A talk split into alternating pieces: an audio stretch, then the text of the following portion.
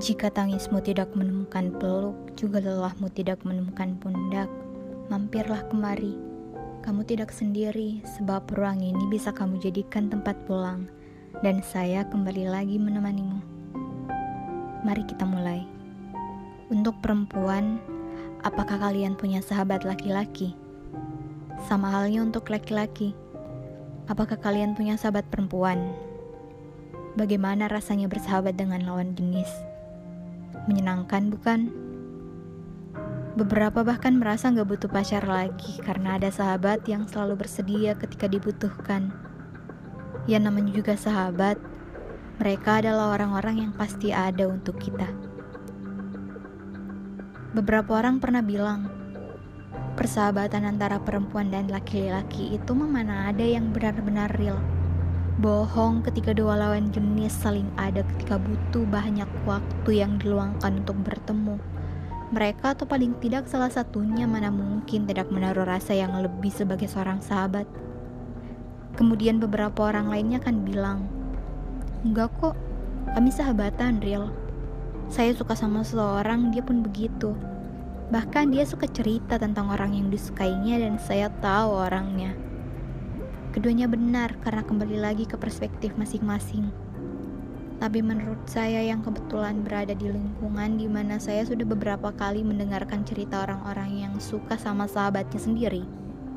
Jadi saya setuju dengan pernyataan yang pertama. Kenapa? Dari hal tersebut saya baru mengerti yang namanya sahabat itu adalah orang yang akan tetap ada untuk kita bahkan ketika dia sudah punya pasangan. Tapi yang malah saya temui mereka yang mengaku sahabatan akhirnya bisa saling asing karena berusaha menjaga perasaan pasangannya masing-masing. Kalaupun persahabatan mereka tetap erat dan sama seperti dulu, di saat sudah punya pasangan itu artinya mereka belum bisa menjaga hati pasangannya. Setelah ini pasti ada yang ngomong, pasanganku gak cemburuan kok. Itu artinya dia yang berusaha keras memahamimu. Atau akan ada yang ngomong kayak gini. Pasanganku juga punya sahabat lawan jenis kok. Saya pun gak merasa masalah dengan persahabatan mereka. Itu artinya kalian memang saling masa bodoh. Paling ntar juga putus dengan alasan gak dimengerti. Setelah itu kalian merasa yang paling mengerti hanyalah sahabat kalian itu. Tanpa disadari dari pemikiran tersebut, kalian akan merasa takut kehilangannya kalian akan merasa sedih ketika sahabat kalian lebih punya banyak waktu untuk pasangannya. Atau bisa jadi kasusnya seperti ini. Sahabat kamu itu sebenarnya punya perasaan lebih.